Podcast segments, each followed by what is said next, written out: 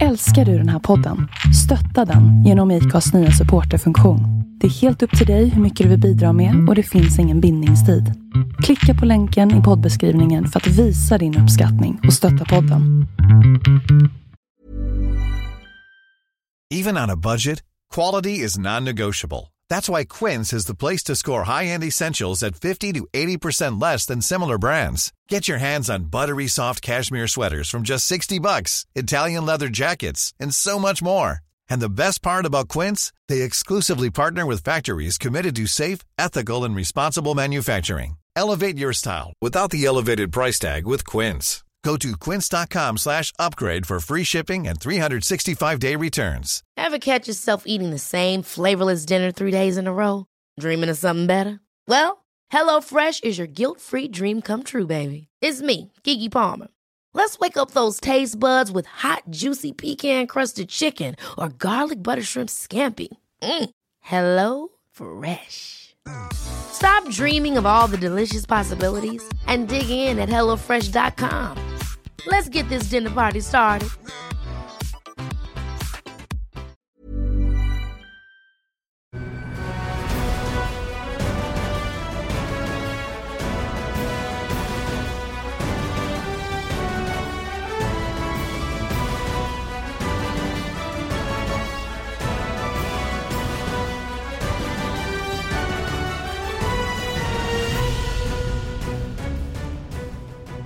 Då är det dags för eh, MotoGP-podden. Den här gången ifrån eh, Langkawi, precis efter eh, Malaysias GP på Sepang. Andreas Mårtensson och Tobias Lajon som vanligt försöker analysera det som har hänt och det som ska komma och ske. Andreas, det här känns lite annorlunda, just inspelningsplatsen för tillfället. Ja, inte helt vanligt är det inte. Byta ut eh, garaget mot eh, stranden, tänkte jag säga. Nu är det mötesrum i och för sig på hotellet där vi är, men eh, ändå. Stora glaspartier rätt ut över, eh, över havet. Eh, känns, eh, det känns långt borta med hösten i, i Sverige för tillfället. Ja, det gör det faktiskt. Men det är bara några dagar bort så är vi där. Ja, det är ju så. Och dessutom bara några dagar bort också till säsongsfinalen för, för året. Ja, exakt. Valencia är det dags för till helgen. Det är ju, vad är det för dag tänkte jag säga? Det är måndag idag. Ja, det är några dagar bort alltså innan sista racehelgen eh, drar igång. Och då har vi faktiskt gjort tre år tillsammans. Kan du tänka dig det när du... När, när, vi, drog, när vi drogs ihop för första gången, eh, då kändes det väl långt borta att det skulle gå tre säsonger. Det kändes väldigt långt borta när vi var i Qatar första gången där 2017. Men nu har vi gjort tre, tre fulla säsonger. Vad är, Snart. vad är känslan då efter de här Känslan åren? är väldigt bra. Det blir bättre och bättre och lättare och lättare. Tycker jag. Ja, jag tycker också det. Det här känns lätt också. Nu har vi för lite annan eh, utrustning eh, till den här podden och sitter mer med våra vanliga headset. Jag känner mig betydligt mer avslappnad än att stå framför en mick faktiskt, om någon sångare där eller vad, vad man kan jämföra sig med. Vi får se om eh, våra ljudkritiska lyssnare där ute håller med. Mm. Kanske är sämre ljud än när vi står i garaget. Kanske. Nej men det känns bra. Jag tycker att det här har varit bra. Det var en bra um, racehelg senast. Vi ska snacka racet i Malaysia på Sepang och eh, lite nyhetssvep. Och sen är det ju eh, uppladdningen som sagt var inför säsongsfinalen i Valencia som står på programmet. Så det är ganska få ämnen så men eh, förhoppningsvis eh, lite matnyttigt innehåll i snacket. Japp. Det här eh, med eh, eh, racehelgen på Sepang, det som slog mig i alla fall, eh, det var ju värmen. Den kände ju även vi av bara i vår jobbsituation. Ja, det gjorde vi verkligen. Det var rejält varmt hela helgen och eh, fuktigt och ganska jobbigt att ta sig överallt, kändes det som. Utan vi var ju mest stilla i vår kommentatorsbox och gjorde det vi behövde göra, men inte så mycket mer än så faktiskt. Annars hade det funnits bra möjligheter. Det märks på de här racen utanför Europa. Det är inte riktigt samma tryck, vare sig runt förare eller teampersonal eller överhuvudtaget i depåområdet. Nej, vi har ju varit på några så kallade OVCs. Vi var i Austin tidigare på säsongen. Qatar har vi varit tre år i rad och där har det varit väldigt piano. Jag trodde ändå att Sepang, att det skulle vara lite mer tryck, men det var ju det var hur lugnt som helst i depån om man jämför med ett europeiskt race, vilket är skönt. jobbmässigt jätteskönt tycker jag också. Däremot så märker man ju, tycker jag, nu när vi har vistats här i ett par veckor att eh, det är stort intresse. De som vi har stött på, folk runt om här, eh, alltifrån taxichaufförer till hotellpersonal. Alla vet ju vad MotoGP är och jag snackade med någon taxichaffis här under veckan som sa att eh, det är andra sporten i landet efter fotboll. Är det så? Mm. Mm. Kul. Det märktes ju också på läktaren. Det var ju över 100 000 redan på, eller inte redan utan under racedagen på söndagen. Det var faktiskt en, eh, en bra siffra. Jag trodde inte vi skulle komma över 100 000 men det gjorde vi. Helt otroligt bra faktiskt, måste jag säga. Mm. Det märktes inte på anläggningen heller, den var ju gigantisk. Jag tyckte att det var känslan eh, efter helgen här, som du säger, stor anläggning och sväljer mycket publik och hyfsat var det väl att ta sig till kanske framför allt och ifrån banan var ju lite större problem trafikmässigt. Men vi valde också att bo inne i centrala Kuala Lumpur, bara 100 meter ifrån Petronas Twin Tower och det var kanske en av anledningarna till att det tog lång tid att åka fram och tillbaka. Det tog en timme pendlingstid. Eh, Men däremot hem efter racet, det var ju två och en halv. Något sånt. Något sånt. Nej men det, jag tyckte det svalde mycket, man fick inte känslan att det var så trångt under, ens under racedagen. Och eh, vi konstaterar ju också att eh, själva anläggningen, trots att den nu har 20 år på nacken, så är den fortfarande rätt modern i sitt upplägg om man säger med, eh, med tillgänglighet och med framförallt med, med översikten för, eller hu- hur bra publiken ser. Ja, ja men så är det. Kommentatorsboxarna däremot kanske behöver en liten uppfräschning till nästa gång vi kommer. Kanske. Ja. Kallt var det i alla fall där inne. Ja, det var riktigt kallt. Det var med betoning på kallt. Men till, men till racen nu då och, och racehelgen här. Eh, ganska snabbt så märktes ju att eh, hemmateamet Petronas Yamaha hade bra fart i grejerna, bra fart på förarna och, och det var egentligen eh, Quartararo eh, som var den som, som man jagade fartmässigt på enstaka varv åtminstone. Så var det. Eh, Morbidelli var också faktiskt väldigt snabb under hela helgen, men det var Yamaha-förarna. Alla fyra var ju uppe i listan och, och toppade tänkte jag säga, men nästinpå var det ju så. Eh, Vinales så stod stark ut hela helgen, Quattararo så stark ut, eh, Morbidelli, Rossi, även de två. Så att det var en Yamaha-helg, inget snack om den saken. Och vad är det som gör Yamaha så starka plötsligt då? För att eh, vi har ju sett en ganska så tydlig scenförändring här under säsongen, framförallt då andra halvan av året.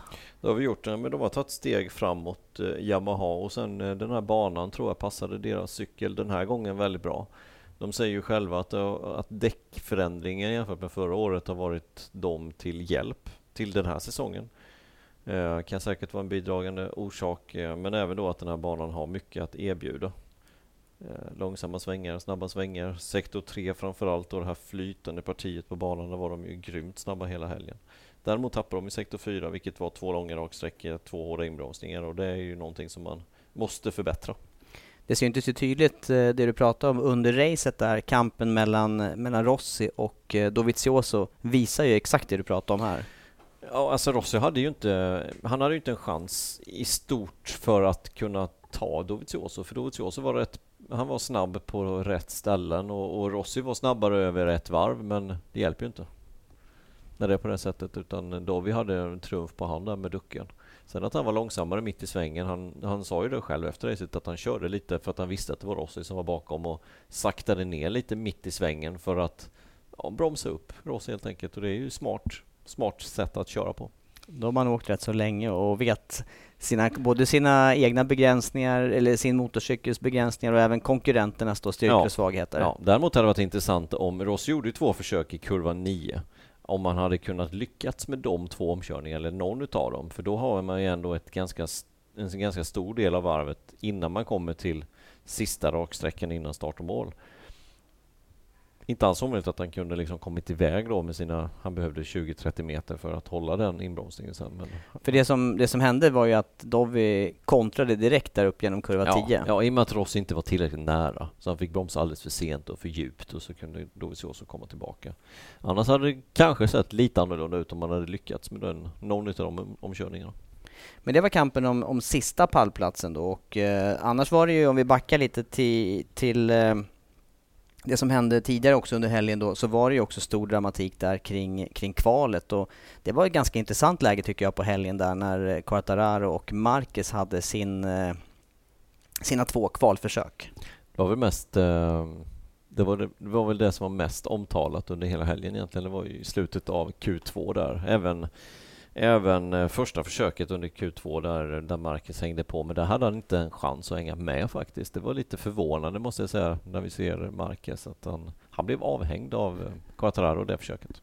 Jag tyckte det var tufft av Quartararo på något vis strunta i att han hade Marcus bakom sig och ändå kör sitt eh, snabba kvalvarv där utan att försöka, vad ska jag säga, inte dölja någonting men att försöka att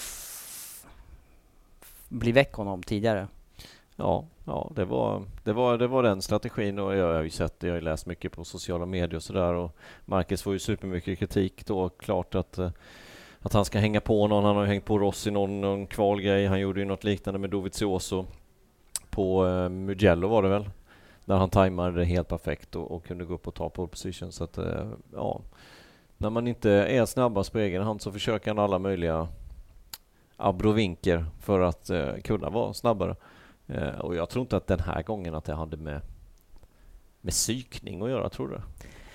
Nej, utav eh, från Marcus sida menar du eller? Ja exakt, han har ju fått mycket kritik, eller en del har skrivit att, eh, att det har med psykningar att göra, att han vill psyka Quartararo och det, det, det ser inte riktigt utan han ville nog bara helt enkelt dra nytta av att det var någon snabbare på banan. Ja, jag får också den känslan som du säger här att han eh, tar alla medel som står till buds för att vara snabbast eller så snabb som möjligt. Men det bet honom rätt hårt i, ja. i svansen på, själv där på andra försöket. Ja, det gjorde han för att um, ja, de fick inte upp värmen helt enkelt ordentligt utan um, det slutade i kurva två där. Marcus fick göra en faceplant nästan i asfalten. Och det där resulterade ju sen i elfte startruta för Marcus och eh, eh, ganska så hård press på honom inför race-start sen då på, på söndagen. Mm. Men eh, han gjorde ju en ganska bra start kan man säga. Han var uppe tvåa efter första varvet och sen blev han omkörd av Miller och eh, var tre efter det. Ja, vad säger du om den inledningen där och lyckas med det? Är det eh, mycket slump eh, i början eller är det Marcus eh, skicklighet som förare som gör den skillnaden? Ja, man, man kan knappast säga att det är slump. För att, för att på något sätt så hade vi redan räknat med att han skulle vara 4, 5, 6 efter tre svängar upp mot kurva 4. Och han var någonstans där. Han tog Quattararo på insidan, han var väl femma eller något sånt där och sen så tog han några platser till första varvet. Men det är klart att när man tittar på ombordvideon från Marcus så ser man att det är många saker som står rätt för att han ska lyckas med alltihopa. Att Petrucci bromsar meten sent och går lite brett och drar med sig någon på utsidan om det var Rossi eller om det var och så finns det då plats innanför. Och så finns det plats och då, då tar han den och han gör ju det bra också. Han är ju aggressiv på insidan där och tar den och sen så tar han Quattararo nästan på utsidan genom kurva 2 in i kurva 3. Eh, så att, så att det är klart att det är lite slumpen men att det är just Marquez som lyckas göra med det här slumpen det, det är ju heller inte förvånande. Nej. Nej, men det, men det är små, det, ja, men det är ganska små marginaler det handlar om. Det såg vi också där inne i kurva 1. Det var ju inte mer än någon eller ett par decimeter mellan hans framdäck och, och jag, vet, jag vet inte vems bakdäck det var där, men det var någon Nej. av de här två som, som gled ut lite grann i första sväng. Ja, exakt. Nej, men kvalet där, det, det var ju egentligen en av de stora intressanta grejerna egentligen mellan Marquez Quattararo. Precis som du sa, det bet han lite i svansen det där att han, han skulle hänga på Quattararo. Han, han sa ju själv att han hade det hade inte spelat någon roll. Jag hade hellre velat följa någon annan än Quattararo, men det syntes ju tydligt att det var Quattararo han var ute efter. Det var ju inte, det var inget snack om Ja, det, det syntes ju redan när, de, när, när ja. Quattararo passerade vid ja. depåutfarten. Men jag undrar hur det hade sett ut om, eh, om det hade varit omvänd eh, eh, position på Repsol Honda och Petronas Yamahas teamboxar där. Ja, exakt. Då har det blivit problem. De har ju fördel här, eller de ska ju ha fördel, eh, Fabriks Yamaha och eh, Petronas Yamaha som hade box 1 och 2 och då räknar man ju från på den här banan just när man kommer in i depån att de svänger in direkt. Så de så, Repsol Honda såg ju direkt när Quattararo drog iväg. Eh, sen behöver inte det ha varit planerat liksom eh, innan kvalet att jag ska hänga på Quattraro. utan det kan ha blivit så under första försöken och sen ja, nu gör vi en gång till till nästa försök och då, Quattraro hade ju, han ville ju absolut inte ha Marquez bakom sig och därför körde de ju långsamt, fick inte upp tempen och sen så när väl Quattraro bestämde sig för att dra så så var det för dåligt tempo i, bakdäcket på Marcus cykel. Han försökte flippa den från höger till vänster och han gick omkull där. Ja, jag tyckte också det var dra ovanligt dramatiskt kval där och även då upplägget inför racet och sen när man vet då banlayouten här med kurva 1 och 2 som är trånga, tajta och hur mycket det kan hända och sen, sen blir ju också värmen eh, en faktor när, det väl, när väl racet börjar gå en, ja, upp, upp mot halvtid. Eh, så att ja, det blev en intressant raceutveckling men precis som du sa där under våra sändningar så var det ju också det var ju Vinales som var riktigt stark och som var den föraren som, eh, som man behövde haka på för att ha en Ja. chans. Ja, Quattararo han var ju snabbast över ett varv. Det var ju så, så var det egentligen hela helgen, men Vinales hade två, tre tiondelar snabbare race pace. Det såg man tydligt, men lyckades inte sätta ihop de här enskilda varven. Ehm, och det, han fick ju en dröminledning. För det första fick han ju ett drömkval egentligen, för att Vinales han kan slåss med Yamaha-kollegorna på ett sätt. Samma effekt, samma inbromsning, samma svaga punkter som de har. Men däremot om Vinales behöver slåss mot Marquez eller om man behöver slåss mot Dovizioso, då får han stora problem. Men i det här fallet när Marquez gjorde bort sig så, och även Dovizioso startade 10 och 11, då såg han ju sin chans såklart att sticka direkt inledningsvis. Och han lyckades den här gången. Mm, ja, det var, det var den eh, Vinales som, som vi även såg i Australien också, där, Ja. där han dock inte kom iväg lika bra i inledningen på racet. Nej, exakt. Sämre, men sen så arbetade han sig uppåt ändå, upp till ledning, men då hade ju Marquez i ryggen. Mm. Och, och det är skillnaden. Hade det varit likadant här nu, att Vinales hade avvaktat bakom Miller till exempel, säg ett varv till, då hade Marcus varit i rygg på Vinales. Och då är det inte alls säkert att det hade blivit samma scenario som det blev nu, utan då kan det mycket väl ha blivit ungefär samma som det blev i Australien. Att, att Marcus lyckas liksom hänga på hela, hela, hela tiden. Det där är väl en ganska svår eh, sak att förklara för den som inte har eh, raceat själv, hur det, kan, hur det kan vara möjligt plötsligt att åka med då i en annan förares tempo som man har sett avhängd av under, Ja. under träningar och kval. Ja, men det skiljer någon tiondel där och den, bara, bara den slipstreamingen som Marquez skulle kunna fått på Vinales på de två rakerna, även fast han inte kunde gå förbi, så skulle han kunna få ett, ett par extra tiondelar. Och det hade räckt för att kunna åka med Vinales, till Vinales helt enkelt har slitit ut däcken. Dock ska vi komma ihåg att Vinales såg ju starkare ut i Sepang än vad han gjorde i Phillip Island. Det, det måste vi ju säga. Men något som förarna pratar om också här då i värmen, det är ju det här att ligga bakom någon i eh, just i slipstreaming och, i, och inte få samma kylning på däcken. Det kan också vara kritiskt just på den här banan. Ja, det kan det vara. Så det är inte säkert att han hade lyckats med det, Marcus. Men med den startpositionen som det blev, elfte, efter misstaget med Quattararo på kvalet, så eh, ja, gav han sig inga bra förutsättningar Nej. för att kunna ta racet. Det blev ju förare med, med mycket erfarenhet till slut på pallen här nu med, med Vinales, med eh, Marquez och sen med eh, Dovizioso. Vad, tar du med dig annars ifrån eh, racehelgen? Nej, men kvalet. Och även kommentarerna från Quattararo efter kvalet att som sagt, vi har läst mycket, mycket kritik mot Marquez här under den här, speciellt lördagen och även kvalet, att det bet han i svansen och ja, allt möjligt. Eh, men Quattararo var ganska lugn i det och sa bara att nej, men jag hade gjort samma sak om, om det hade varit jag som behövde de här extra tiondelarna. Och, och det är ju det som är med det här kvalformatet, att sådana här saker är inte förbjudna. Det är inte förbjudet att följa någon annan. Det är inte förbjudet att vänta på någon annan förare om man inte kör för långsamt i mer än tre sektorer. Och ja, är det, är det tillåtet så, så gör ju förarna det. Och det görs inget konstigt med det. Nej, vi har ju sett, eh, vi, vi, det finns ju ett annat kvalsystem i det här, eh, i den här serien eller i, eh, i de här racehelgerna med Moto E tänker jag nu då, med det här Superpole-systemet. Där, där kommer man ju undan sånt helt och hållet. Exakt. Vill man inte ha de här liksom tjuv och rackarspel som vi ändå får under kvalen, ja men då får man ju välja då får man ju välja ett annat kvalsystem. Eller tajta åt reglerna, att du får inte följa en annan förare eller du, du får åka ut med, göra som en superpool fast ändå under en kvart. Du åker ut med 10 sekunders mellanrum och sen måste du köra allt vad du har från början. Gör det då. Skriv in det i reglerna. Men så, som reglerna är nu så, så är det, ser jag absolut inga konstigheter egentligen med att åka och vänta på en, en rygg att åka efter, även fast jag hatar det. Förare hatar att bli följda. Självklart. Det är ju så det är. Men det är ju fortfarande, man drar ju vinning av reglerna helt enkelt. Är reglerna så, så är det ju så. Men det här med att, eh, att eh, se, ja, eller eh, utvecklingen sen då på, på racehelgen med Petronas-teamet tänker jag framförallt. Vad var det egentligen som hände då med, med Quartararo och med Morbidelli? För de, jämfört med farten under kval och träningar så sjönk de nästan som stenar under racet. Ja, det gjorde de. Ehm, jag håller med. Och det, det var ju när du sa vad man tar med sig där. så är det en sak som jag också tar med mig. Det är just att de inte höll riktigt måttet under racet. Sexa, sjua slutade de va? Till slut, efter att ha startat etta, trea. Eh, och man trodde ju ändå att Quattararo, han, han var ju faktiskt fartmässigt skulle kunna varit på väg mot sin första seger om han hade spelat sina kort rätt. Men eh, det gjorde han inte. Han valde mjuka bakdäcket och eh, det höll inte för honom helt enkelt. Och de säger ju själva att de visste problemet. Nu har de inte gått ut och sagt exakt vad det var för någonting som var problemet förutom det här då att, eh, att däcktrycket ökade.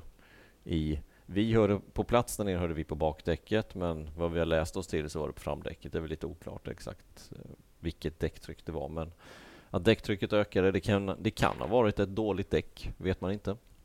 Det som talar emot det är ju att både Morbidelli och Quattararo sjönk som stenar i listan.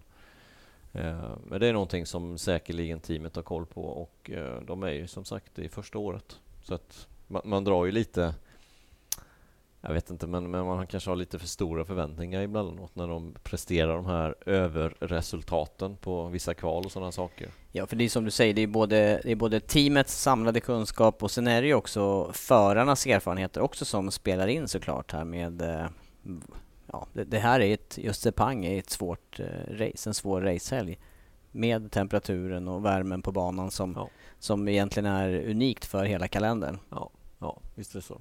Och till slut så blev det ju, ser man på hela racehelgen så blev det ju ändå Marquez som jag ska inte säga gick vinnande ur det, men, men han fick mycket kritik under lördagen.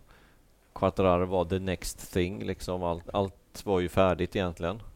Och sen så kommer vi till racedagen och ja.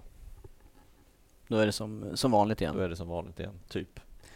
Ja, nej men klart är ju att eh, jag, jag, tror ändå att de här eh, Eh, jag tänker på racen då i eh, Thailand och i Italien, Misano för Quartararo. Plus det här kvalet på Sepang, allting det här. Sen finns det ju andra exempel också från året naturligtvis, men, men i senare tid så, så är det sådana saker som ändå Marcus eh, planera för att ta hänsyn till och, och på något vis ha med i beräkningarna för kommande säsong. Absolut, det är inget snack om den saken. Det är klart att eh, Quattararo är ett hot mot Marquez i framtida säsonger och kanske det största hotet kommande säsonger faktiskt. Tittar man på övriga hot så vet, så vet jag inte riktigt. Det är ju, det är ju Vinales, det är Dovizioso. Ja. Rins, kanske. Men i övrigt så, så, är det ju svårt att se några riktiga konkurrenter till Marquez. Över en full säsong då får ja, vi tillägga. Exakt, exakt över mm. en full säsong. Nej, det, nej det, jag är med på vad du säger där. Eh, och det visar sig ju gång efter annan. Och sen ska vi också komma ihåg det som eh, Marcus fortsätter att prestera här nu under året med en andra plats här då, en helg där han ändå hade stora problem under kvalet och faktiskt eh, slog i backen hårt också och sen ändå göra en andra plats på det. Och satte ju faktiskt eh, poängrekord här nu under en säsong också. Ja. Och för hans skull så hoppas jag att det blir mer än 25 poäng så att han slipper diskussionen om hur många race det var jämfört med Lorenzos när han satte sitt. För då att det blir mer än... Ja, för han satte väl 383 på 18 race, var det ja. inte så? Ja, då kan man ju då omvandla det till att tar man 25 poäng mer än 383 Ja men, ja, men han är ju, ja, men han är ju redan över de här exakt, poängen på 18. Exakt, men nu är det ju 19. Ja, ja. just det, ja, du menar så. Ja, så att han har ju redan gått förbi det på de racen där. Sant. Så att, eh, ja det, det blir, det, den blir ju odiskutabel ändå nu då. Och, men man kan ju inte låta bli heller att tänka på vad, det var en så snöplig miss och liten miss i USA som han gjorde. Ja. där hade det kunnat vara 25 poäng till, bara ja, där. Absolut. Ja, ja. Nej men eh, det, det, känns som att vi har penetrerat den här racehelgen som var på Sepang.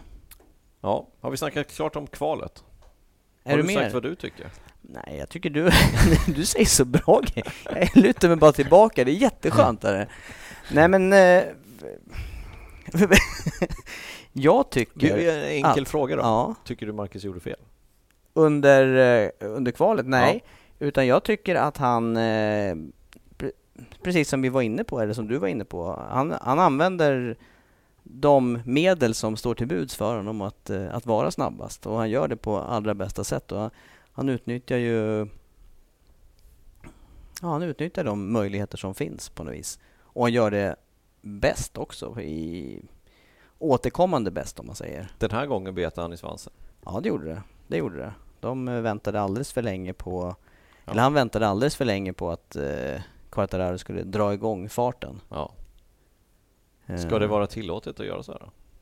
Ska man snäva till i reglementet? Den är svårare. Jag, jag vet att vi har pratat om de här kvaluppläggen och jag skulle ju kunna tänka mig att se... Jag gillar det här formatet bättre än eh, det som var innan med ett längre kval. Eh, Men jag skulle även kunna tänka mig att se Superpole på det sätt som, som är i Moto E nu och som tidigare var i Superbike-VM. Jag gillar det också ur, eh, ur tittarsynpunkt. Det är visst, det är rätt hård press på förarna i de lägena när man bara har ett enda varv som gäller. Men det, det är inget annat som stör då. Då har man samma förutsättningar. Under förutsättning då att inte vädret förändras. Mm. Men, du, men du har ju ändå en, eh, du har ditt varv, du har banan för dig själv. Du kan, eh, ja, då blir det den snabbaste som står längst fram. Mm. Ja, så är det ju. Sportsligt på det sättet. Ja. Om det inte blir oföränderligt väder och så. Jag tänker dock på en annan grej och det var i vårt körschema som vi får inför varje on-site helg så står det alltid när vi ska göra de här magasinen. Magasinen som släpps på Facebook på, ja, på kvällen sen. Så står det alltid Börja alltid med den stora grejen som har hänt under dagen. Och så tänker man inför, racet, inför racehelgen på torsdagen, onsdagen. Vad är det som kan vara så stort så att vi måste börja med den på lördagen? Vad kan ha hänt då? Och så tror man att det kommer ju aldrig hända något så stort så att det är värt att diskutera. Och sen står man där varje lördag eftermiddag och så har det alltid hänt någonting som vi ska ta upp där och som känns given efteråt. Ja. Det är klart att den ska upp först. Så Och- är det ju. Och i den här helgen var det ju, det var ju solklart här med... eh, Exakt, och, och så tycker jag det är efter varje kval, att det finns alltid någonting att snacka om kvalet. Har man ett superpool så har du helt rätt i att man kan få följa förarna ett helt varv, men det blir ganska lite dramatik. Mm. Här blir det mera, som du säger, mer upplägg för dramatik, taktik och eh, Det blir ju som ett minirace Ja, egentligen, det. att det blir lite dramatik av det hela. Det blir olika strategier, däckstrategier, hoppa från cykel till cykel, Ja. man försöker följa varandra, förstöra varandras varv, det blir eh, missa målflagg och allt vad det kan vara för någonting. Mm, och det är drama. Jag tänker på den gången när, när Marcus eh, stoppade någon cykel där. Han fick en stopp på en cykel i USA ett Ja, år. Sprang hela... Sprang pitlane till Ja. på väg tillbaka, tog nästa cykel och satte pole på den cykeln. Ja. ja, det hade man ju inte fått se. Det är det jag menar, att jag är också mycket för sportsligt att köra just ett superpool, men det innebär mycket dramatik de här kvalen. Med nuvarande reglement, Ja, ja, ja. och att vad man får göra, man får följa förare och så vidare. Och så vidare, och så vidare. Ja, det är spännande. Spännande helger vi får vara med om på det sättet. Ja, jag vet inte. Parentes. Ja, nej, jag- jag tycker att han gjorde rätt i alla fall i, eh, i att använda de möjligheter som fanns. Eh, Quartararo hade ju gott kunnat dra på även vid andra försöket där och, inte, och där jag tror, tror inte Marcus hade hängt med ens på det försöket. Om man inte hade gjort det då? Om vi vänder på det, om Quattararo hade varit lite cool och struntat i sitt första försök. Marquez var ju den som låg efter, han låg ju femma efter första försöket medan Quattararo det- låg tvåa. Ja, det vet jag att vi sa. Det, där, eh, det, det är mer upp till Marcus att öppna Ja, budgivningen på något vis. exakt. Ja, Precis. Det skulle han ju, han, han skulle ju mycket väl kunnat bara åkt på halv gas nästa varv också, första flygande. Och då, vad, vad ska Marcus göra? Han måste, ju sikt, han måste ju ta sitt nästa försök, annars hade han ju, precis som det blev nu, startat 11. mm. jo. Jag Ja. vet inte. Nej, lurigt men intressant som sagt. Väldigt intressant kamp de två emellan, just eh, psykologiska kampen. Och det verkar vara svårt att komma innanför eh, skallen på Quartararo, tycker Ja. jag. Ja. Och, till, och även på Marcus. Det är ju Ja. det, som, det, är det som utmärker de här förarna i toppen överhuvudtaget. Ja, men framförallt, framförallt Marquez måste vi ju säga. Ja. Men även Quattararo tycker jag visar styrka. Däremot så har han förlorat några slag här nu. Mm. Han vann ju visserligen här nu när Marquez gick omkull då, men han har förlorat Misano och han förlorade Thailand och ja. Ja, vi får se hur det blir nästa år med lite bättre stöd också Ja. maskinmässigt. Japp. Nej men nu släpper vi Sepang. ja Okej, nu släpper vi. Det, var nyhetssvep då, eh, som är nästa punkt. Det är många nyheter. Ja, vi har, vi har faktiskt eh, medvetet låtit bli, tycker jag, den, eh, en stor nyhet eh, från Sepang och det var ju att det faktiskt avgjordes den sista VM-titeln i den här säsongen. Mm. Alex Marquez som säkrade titeln genom ett, ett bra race där han helt enkelt skuggade Brabinde hela racet. Och eh, Lytti hade inte mycket att komma med. Han körde för fullt men gick inte. Säkrade sin eh, första titel, andra VM-titel totalt. Snyggt. Stort, tycker ja, jag. Jättestort. Båda bröderna Marquez har ju varit hemma här i helgen och firat och eh, haft sig. Ja, han, har ju faktiskt, han behöver ju inte vara lillebror till Mark Marquez på det sättet. Det är, inte, det är inte många före som har två titlar eh, med, med en i, dessutom en titel i, i två olika klasser. Nej, och han är den första som tar i Moto 3 och Moto 2. Så att, eh, nej, det är, han är, han är tvåfaldig världsmästare ska man komma ihåg. Det är precis som du säger, tittar man i statistiken hur många tvåfaldiga världsmästare det finns. Inte överdrivet många. Nej. Svår, eh, hyfsat svåra år tycker jag också. Svåra, långa år till den här andra titeln. Han har verkligen arbetat för den. Och mm. Lite märkligt kan jag tycka att den kommer samma år som, som reglementet förändras. För det borde ju ändå öppna upp för ett bredare motstånd i, i mästerskapet. Ja, men det har gått lite fram och tillbaka i den här Moto 2 under säsongen. Det var Baldassare öppnade starkt och sen så kom ju Marquez hade en stark mittsäsong. Ja, men sen avslutningen så är det mer Binder som har, har levererat resultat. Så det har varit lite fram och tillbaka. Lytti kom starkt här också på slutet av året. Ja. One size fits all, seemed like a good idea for clothes. Nice dress. Uh, it's a T-shirt. Until you tried it on. Same goes for your healthcare. That's why United Healthcare offers a variety of flexible, budget friendly coverage for medical, vision, dental, and more. So, whether you're between jobs, coming off a parent's plan, or even missed open enrollment, you can find the plan that fits you best. Find out more about United Healthcare coverage at uh1.com. That's uh1.com. Hey, I'm Ryan Reynolds. At Mint Mobile, we like to do the opposite of what Big Wireless does. They charge you a lot we charge you a little. So naturally, when they announced they'd be raising their prices due to inflation, we decided to deflate our prices due to not hating you. That's right. We're cutting the price of Mint Unlimited from $30 a month to just $15 a month. Give it a try at mintmobile.com slash switch. $45 upfront for three months plus taxes and fees. Promote for new customers for limited time. Unlimited more than 40 gigabytes per month. Slows. Full terms at mintmobile.com. Hiring for your small business? If you're not looking for professionals on LinkedIn, you're looking in the wrong place. That's like looking for your car keys in a fish tank. LinkedIn helps you hire professionals you can't find anywhere else, even those who aren't actively searching for a new job but might be open to the perfect role. In a given month, over 70% of LinkedIn users don't even visit other leading job sites. So start looking in the right place. With LinkedIn, you can hire professionals like a professional. Post your free job on linkedin.com slash achieve today. Vet du vad du tycker? Tre. Ja. Ja. ja. Han gjorde en bra... Han gjorde en starkare avslutning i alla fall än, än ja. eh, mittdelen på säsongen. Absolut. Två pallplatser sista två racen, det är bra. Men en VM-titel ytterligare då. Så det är Mark Marquez, Alex Marquez och sen Lorenzo Dalla Porta, de tre världsmästarna den här säsongen. Yep. Eh, tittar vi framåt, eh, kontraktsfronten, där är det ju lite intressanta punkter. Jag tänker dels då i och med eh, eh, säsongsfinalen här Eh, så har det blivit öppnats upp en lucka för eh, Ike Lekona att eh, hoppa in i MotoGP. Han ska köra nästa år, det pratar vi en del om här under sändningen under helgen. Eh, nu får han redan hoppa in till, eh, till kommande helg. Så blir det. Oliveira behövde ju operera sin, visst var det axel? Som han behövde operera efter kraschen med Sarko och sen så slog han ju sig rejält också i, på Phillip Island så han kunde inte köra sig panghelgen och välja en operation istället. Missar um, sista racet och eh, Lecona får redan nu chansen helt enkelt. Då. Vad tycker du om det upplägget då? Ja, det, alltså det är väl, det är väl bra. Han ska ju ändå köra på tisdagen efter, då ska han ju bara testa liksom. Så att, eh, det, det är väl bra att få en racehelg. Eh, sen är det ju inte, kommer inte bli lätt för han att leverera och kommer vara ganska långsam inledningsvis, gissningsvis. Ja, jag håller med dig. Det är tufft att komma in en sån här ja. Eh, helg när, när övriga förare har en hel säsong bakom sig på ja. sina grejer. Ja, och så racehelg direkt då. Så att, eh, det, det, kommer inte bli så lätt. Men eh, det, är väl, det är väl bra. En, en racehelg till, få känna på det innan testet. Och, ja, det är all tid i cykeln för hans del är ju bra inför nästa säsong. Mm. En, eh. en liten fundering jag har. Kommer han köra med startnummer 27 tror du? Stoners gamla? Ja. Jag vet inte. Det är Nej, inte, det är inte pensionerat och bortdraget va? Som jag, så vitt jag vet.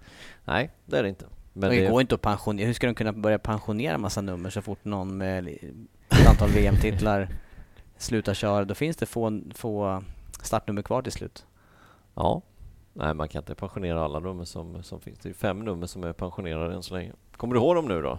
Vi tog ju de här för något år sedan i podden. Jag vet att vi har gjort det. Ja, Jag fattar att den här, varför ska du hålla på? ja, varför inte? Jag skulle säga att eh, 34 är borta. 34 Kevin den är borta. Sen är det eh, 74. 74, där Giro Kato, den är också borta. Sen är det... Eh, sen blir det svårt faktiskt. Nej. Jo. 69, Nicky Hayden. Ja, just det. Mm, 65?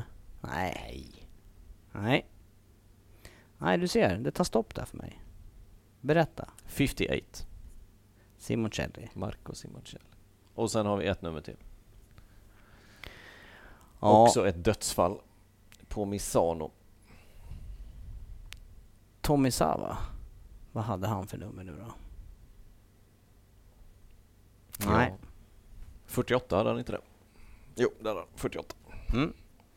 Det där är du bra på, den där statistiken. Man behöver inga, det där behöver du inga skärmar till och inget... eller rättare sagt, det där är det, det du använder din skärmtid till. Memorera. Kanske ha skärmsläckare med de här. Det är ju tragiska händelser, jag ska inte skratta bort det här, det är ju tragiska händelser som ligger bakom de här pensionerade numren. Visst är det fyra av fem Ja. som inte lever idag? Ja, Det är bara Kevin Schwantz. precis. 34. Ja, nästa nummer som kommer bli pensionerat gissningsvis är ju 46. Ja, det måste vi ju... Det, det, är- det är jag Ja. enig om. Det är vi eniga om. Och sen numret efter det gissar jag på blir 93. Jag tror Mm. inte Lorenzo får sitt 99. Nej, inte som man kör nu i alla fall. Nej. Nej. Nej, jag tror inte han får det i vilket fall. Nej. Däremot så tror jag att Marcus kommer få sitt 93 pensionerat. Mm. Men 27 är in- inte pensionerat och Lecona har kört med 27 under Moto 2-karriären. Och eh, frågan är då om man behåller det nu uppe i MotoGP. Vad tycker du? Ja, jag tycker han ska göra det om man, om man kör med den nu. Det, det, ja, det tycker jag. Jag är inte sådär eh, varken eh, vidskeplig eller speciellt... Du vet vad jag tycker om, om startnummer. Jag tycker man kan ha efter förra Ja. årets Ja. VM-position. Vill han ha sin 27 så får han gärna ha det för mig. Ja, han får vara för mig också. Jag kan bara tycka, på något sätt är det lite för...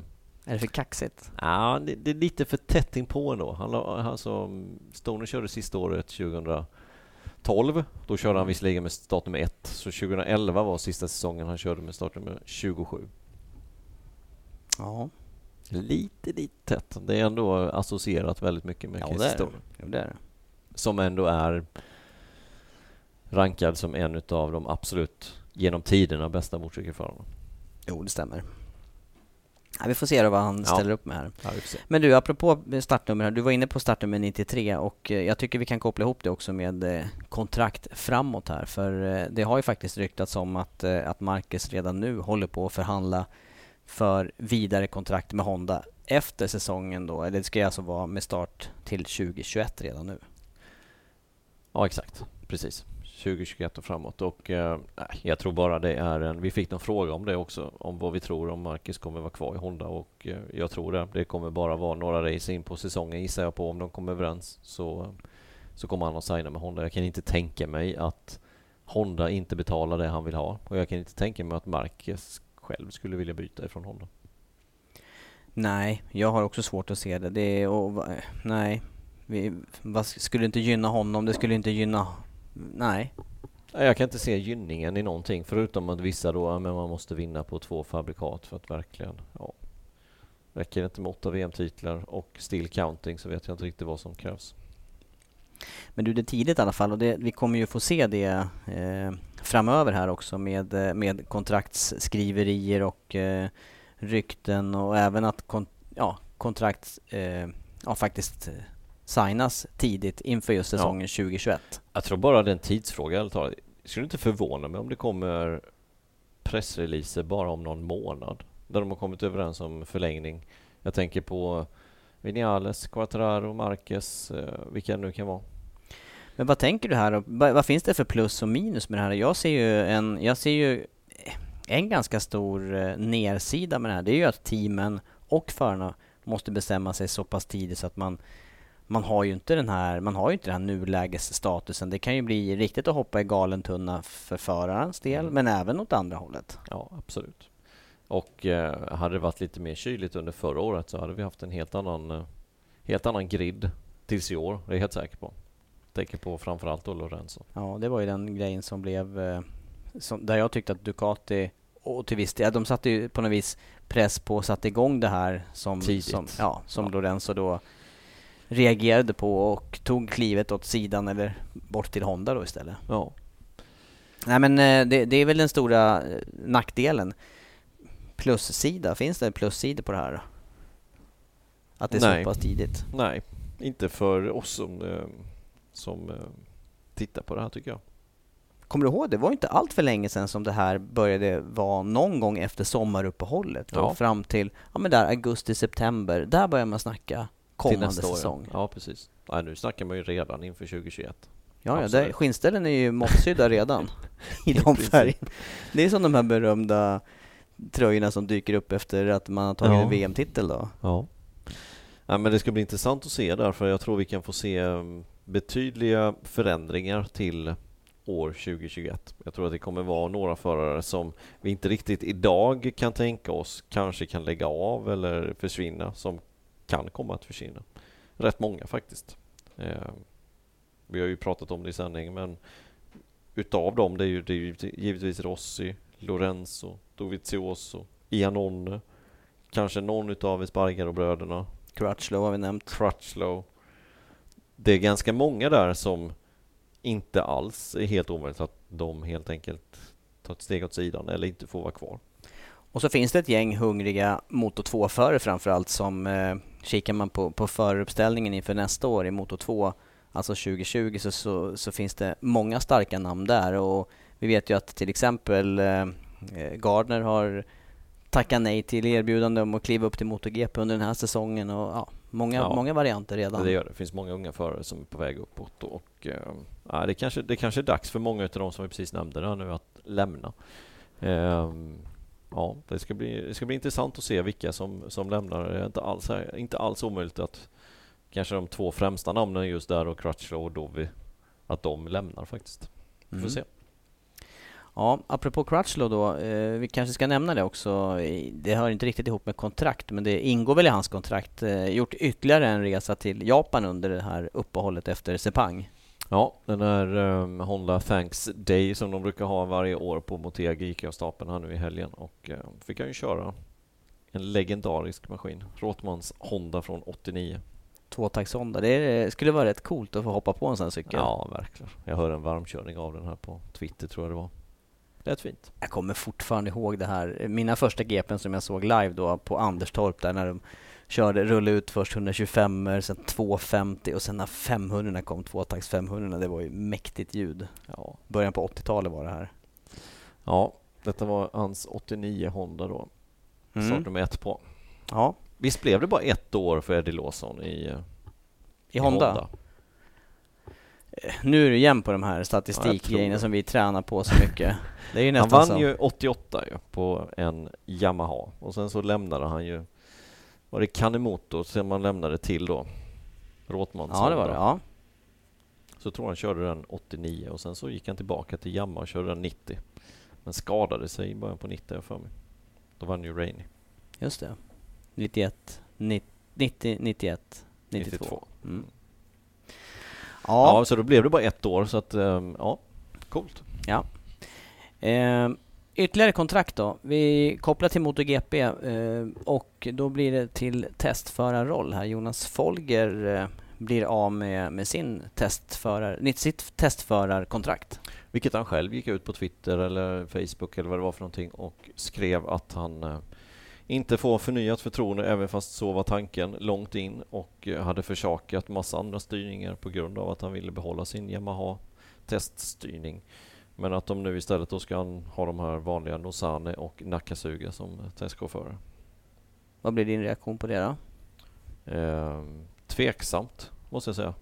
Det kändes ändå som att han hade hjälpt till i utvecklingen. De har ett Europabaserat. Eh, Galbusera skulle komma in där som crew chief, Rossis nuvarande eh, och hjälpa till ytterligare den här eh, utvecklingen helt enkelt av, av Yamaha. Nu väljer de att inte ha det utan det ska utgå från, från Japan istället. De ska väl även testa i Europa antar jag. Men frågan är hur bra Nozane och Nakasuga är att köra på Bruno till exempel eller på Misano eller vad de nu ska testa någonstans. Ja, det, är någon, det är någon skillnad där som jag tycker har synts eh, många år och länge just japanska förare som är urstarka ja. på hemmaplan och, och, slår vem som helst. Och sen är det annorlunda på europeiska banor till exempel. Ja, det känns som att det hade varit bra med ett europeiskt testteam och de har ju som sagt, det var ju nu i helgen i Sepang som de hade ett möte och valde att spolera det helt enkelt. Och eh, ja, vi får väl se helt enkelt vad de har istället i kikan.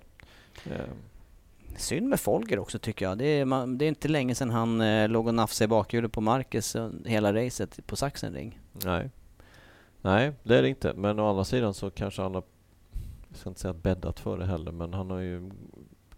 Det kändes som att när den här sjukdomen uppdagades så gick det inte riktigt. Kommunikationen stämde inte riktigt. Nej, det är sant. Det är sant. Han har haft några sådana missar i sin karriär tycker jag också. Ja. Eh, så att det, det är som du säger, det kan gott vara att han har bäddat för det på egen hand. Utan man att vi vet det. Man kan inte rå för att man blir sjuk. Det är absolut inte det jag menar. Men man måste ha en, en öppen dialog i så fall. Och det har man ju märkt på Poncharal efter det här att han har inte varit speciellt nöjd med den konversationen och eh, ja, som har varit däremellan. Nej. Nej, så är det i alla fall. Folger utan teststyrning då.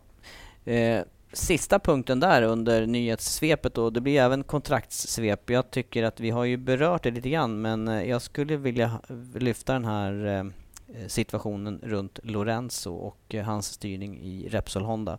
Eh, vi vet ju att Sarko har hoppat in i LCR Honda, två race nu, ska köra finalen också i Valencia. Och det är ju Nakagamis styrning, men Sarkos resultat och fart med två racehelger i ryggen, det är ju någonting helt annat än vad vi har sett Lorenzo göra egentligen under hela året. Det är ju ja. no det är några enstaka undantag men... Eh. Till, till och med bättre än vad Nakagami har levererat måste jag säga. Jag är imponerad av Sarkos två race han har gjort här. Och eh, ja, det är bra för hans aktier vidare. Ska en sån förare... Ja, vad, vad, ska, vad ska hända med en sån förare som Sarko för att hans talang ska kunna tillvaratas vidare? Ja, han har ju också på något sätt bäddat för hans egen situation. Måste vi ju komma ihåg. Eh, vi ska ju inte bara tycka att han ska gå in i Repsol Honda helt hux flux. För han, han har ju trots allt skrivit på ett kontrakt med Red Bull KTM som han sen då har tackat nej till och gått ifrån. Så att han har ju också bäddat på sitt sätt i den situationen han är. Sen har han fått den här livlinan att få köra de här tre sista racen och visa vad han egentligen går för. Vilket säkerligen har varit viktigt för hans karriär. Uppenbarligen har det det. Mm. Eh, men sen eh, när vi pratar om Lorenzo, sen är jag inte säker på att eh, ja, att bytet det kommer ske där egentligen. Tror du? Nej, det är, nej, det är en svår, svår situation. Jag tycker det här är en svår situation både från Hondas håll och det måste vara urjobbigt för Lorenzos del. Men vi, vi ska komma ihåg att i bakgrunden ligger ju den här eh, kraschen på Assen. Det är, väl den, det är väl den svåra kraschen och den kraschen som har satt eh, störst spår i huvudet på Lorenzo. För klart är att han är ju, han ska ju inte vara som på Philip Island, han ska inte vara över en minut efter Marquez på samma material nej. eller på lika, likvärdigt material. Nej, det ska han inte vara. Uh, nej. Jag läste någon, och den vet jag du har läst också, den här intervjun som han gjorde med, med Matt Oxley här nu i helgen. Och uh, där säger han ju själv egentligen att den, det sitter lite i kroppen men mest i huvudet tills han är helt återställd. Sen, då kan han inte riktigt koppla på hjärnan att ta de här sista riskerna som det innebär att uh, köra mot GP-hoj. Nej, och det är kopplat då till att han inte har eh, full känsla för cykeln och det ger inte det, den uh, återkopplingen till honom som han är van med från eh, Yamaha-tiden framförallt då, men till viss del tyckte jag att han hittade den känslan på Ducatin också i ja. de sista racen han körde där. Jag tyckte han utnyttjade Ducatin, ställde om sin körstil så att det, det passade honom att köra Ducati helt enkelt. Så utnyttjade han den, den, de starka sidorna hos Ducken. Nej, men jag, jag, tycker att det som det är nu då med Lorenzo så är det det har gått lite för många racehelger nu. Jag hade kunnat köpt att han gör sådana här resultat första två racen eller något liknande efter att komma tillbaka från en skada. Det är helt okej. Okay. Och jag förstår ju vad problemet ligger liksom i att man man är rädd eh, eller rädd, jag vet inte vad man ska säga egentligen, men att man har den här kraschen i bakhuvudet, man har ingenting att köra för under den här säsongen på det sättet. Men man, man ska ju inte riktigt... Eh, antingen så kör man och då laddar man fullt. Eller så är man skadad och då står man bredvid. Men hur tänker Lorenzo i det läget? För jag är med på vad du säger där och jag tycker att han... Eh, nu är det ju inte så att han laddar fullt eh, utifrån sin förmåga eller, eller även cykelns kapacitet. Och, och, då, då går det ju ännu sämre på något vis. Men han fyller, ju sam, han fyller ut någon plats här som skulle kunna användas bättre. Men är, är Lorenzo själv då så pass eh, rädd för att bli av med styrningar framöver? Det är också den här svårigheten i den här branschen att har man väl klivit åt sidan, det finns ju alltid andra som är beredda att ta den där platsen. Ja, ja. Ja, och man vet ju aldrig vem som bara blommar ut och blir hur snabb som helst. Nej, så är det. Det kan mycket väl vara så att han är rädd att bli av med sin styrning. Eh, för precis som du säger, hoppan, skulle han istället då stå åt sidan och, eh, och eh, ja, bli fullt frisk, vilket alltså benet har läkt ihop eller ryggraden har läkt ihop, eh, säger ju läkarna till honom. Men han har fortfarande en viss smärta av den här skadan och och då kanske det är bättre att stå åt sidan tills den är helt borta så att han kan börja ladda på ordentligt. För jag vill inte se Lorenzo bli 19. För han kan så mycket, mycket mer. Hans högsta nivå är, ja, jag ska inte säga som Marquez, men inte, inte långt ifrån alltså. Nej, och det såg vi så sent som för något år sedan bara, ja. när han körde Ducati. Ja, det var ett år sedan som, som han verkligen var ett hot mot Marquez om race-segrar. Så att hans högsta nivå, det, det, det behöver vi inte ens diskutera hur hög den är, för den är i paritet med att kunna vinna många race under en hel säsong, absolut. Men eh, då ska man inte bli 19 när det går lite tungt heller, tycker jag. Då, då, då är det bättre att stå åt sidan. Mm, för det, det, ja, de här resultaten som han gör nu, de stärker ju inte hans aktier heller. Alltså det, det, är nästan bättre då, som du säger, att, att vara på sidan ja. och, och bli var frisk. på sidan, eh, var någon annanstans och testa. Lägg ner säsongen, kör på en eh, ja, Testa den nya bladen som har presenterats förra helgen eller gör, gör någonting annat. Kör den på gränsen? Kör, ja precis. På ja. enstaka banor, hyr en bana av Barcelona eller vad som helst. Kör själv.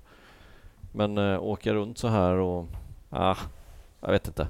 Nu, det är helt okej okay, några race, men nu har det gått lite för många race i samma anda. Det är så jag kan känna. Mm. Ja, jag, I mina ögon så är det fortfarande öppet vad det blir kring hans eh, fortsättning. Det skulle kunna ändra riktning när som helst. Faktiskt. ja, jag ser det som att det är 90-10 i Lorenzos favör till nästa säsong hos Repsol Honda.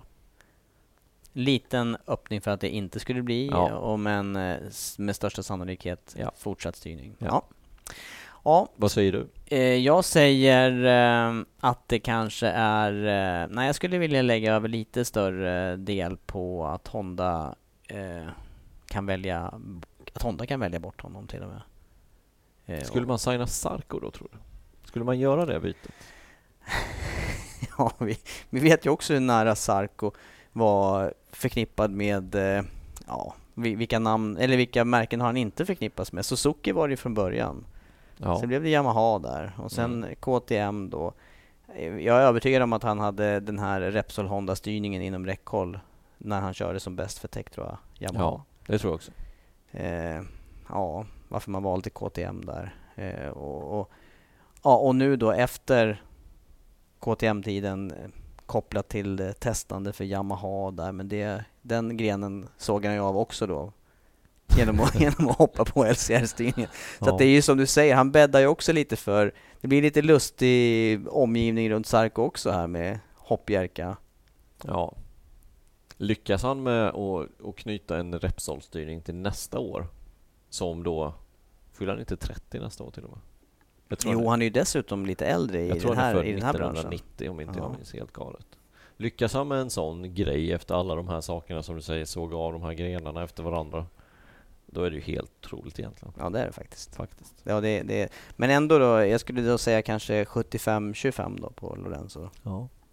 Nej, jag, jag sätter mina pengar på att Lorenzo kommer fortsätta Och att eh, han kommer vara tillbaka i bra form nästa år. Mm. Jag hoppas, precis som du, att han ska vara det så att vi får de här eh, fighterna om eh, ja, och, och kan utmana Jag vill se rivaliteten som jag inte fått sett i år. Jag vill se Inom- den med- inom Exakt, teamet. Exakt. Mm. Det var ju den vi såg fram emot under hela året här, Ja. eller under hela vintern. Lorenzo, Marquez, Dream Team, Honda.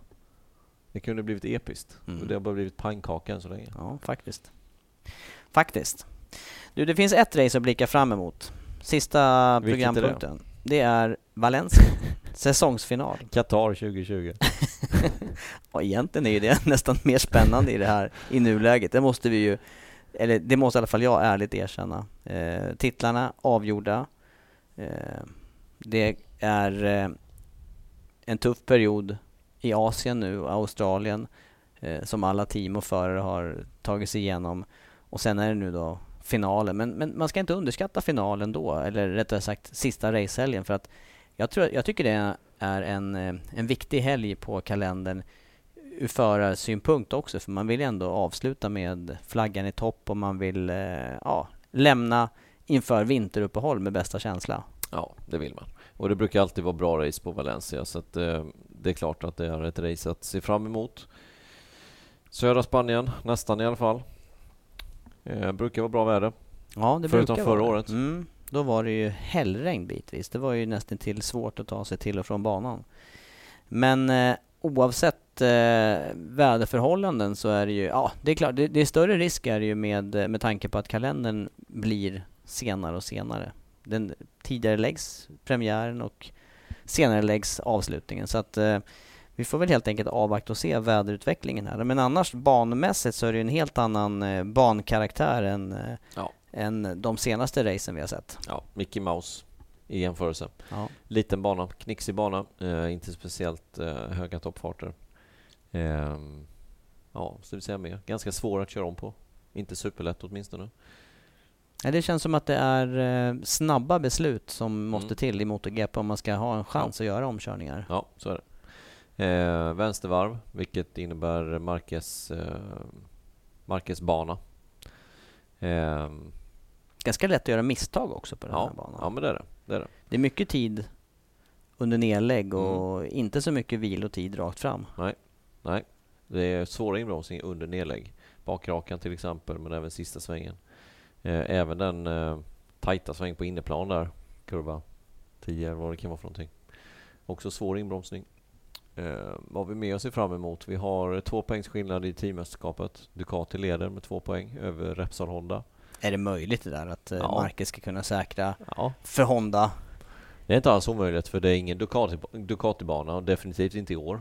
Nej, det är sant. Eh, Det är en Marquez-bana. Han skulle mycket väl kunna gå därifrån med 25 poäng. Även fast jag tror att Yamaha kommer bli riktigt vassa. De är inga långa raksträckor som, som kräver mycket effekt. Så att jag tror faktiskt Yamaha kommer att bli väldigt, väldigt svårslagna. Men eh, Marquez kommer givetvis vara uppe, Suzuki kommer vara uppe, Ducati tror jag kommer få jobbigt. Både Petrucci, Miller och eh, Dovizioso. Eh, och det är inte omöjligt att Marquez kan ta en 20-25 poäng.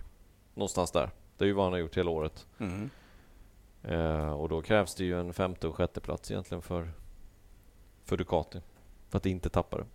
Nej, det är sant. Det är stora, det är stora poängskillnader då. Och, Mm. men, det, men det är alltså i teammästerskapet så räknas eh, alla förarnas poäng in. Eller nu blir det ju två då för Ducati här. Ja. Dovizioso och Petrucci. Men eh, vi räknar ju nästan bara med eh, Marquez poängmässigt här, även i Valencia. I alla fall, alla fall som, vi har, om, alla fall som det Ja. har sett ut tidigare. Ja, ja, men så är det. Det kan bli ströpoäng för Lorenzos del ifall att, eh, ifall att det går bra för hans del. Han tog väl två nu senast. Jag tror han blev 14 i Malaysia. Men värt att säga också om Valencia, tycker jag, och, och det, är ju, det är ju publikmässigt så är ju det en alldeles lysande bana att besöka och se race på. Ja, det är det.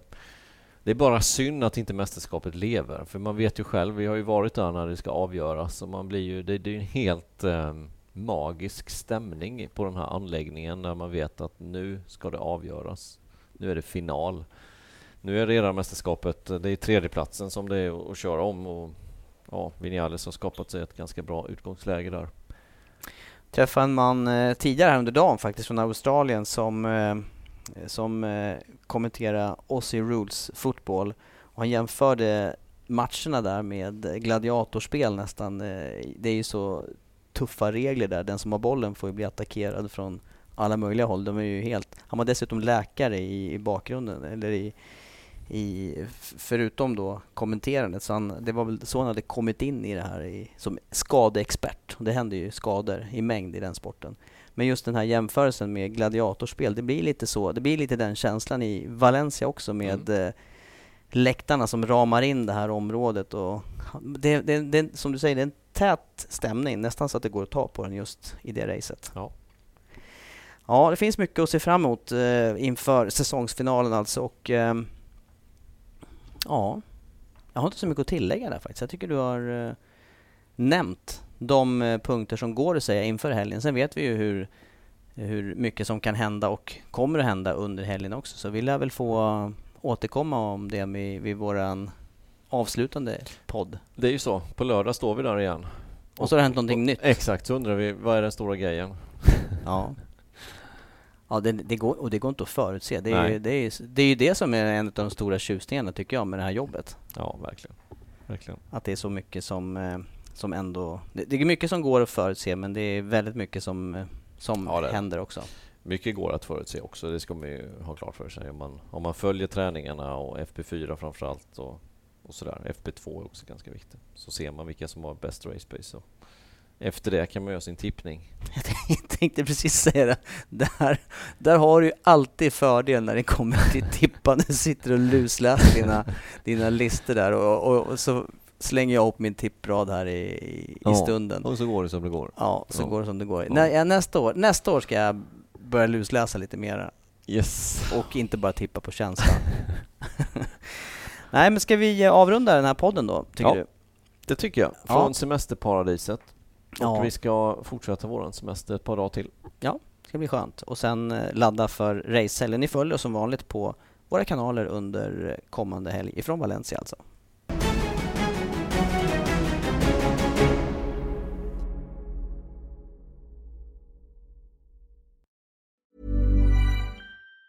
Planning for your next trip? Elevate your travel style with Quince. Quince has all the jet-setting essentials you'll want for your next getaway, like European linen, premium luggage options, buttery soft Italian leather bags, and so much more. And it's all priced at 50 to 80% less than similar brands. Plus, Quince only works with factories that use safe and ethical manufacturing practices. Pack your bags with high-quality essentials you'll be wearing for vacations to come with Quince. Go to quince.com slash trip for free shipping and 365-day returns. Hold up. What was that? Boring. No flavor. That was as bad as those leftovers you ate all week. Kiki Palmer here, and it's time to say hello to something fresh and guilt-free. Hello Fresh. Jazz up dinner with pecan-crusted chicken or garlic butter shrimp scampi. Now that's music to my mouth. Hello Fresh. Let's get this dinner party started. Discover all the delicious possibilities at hellofresh.com.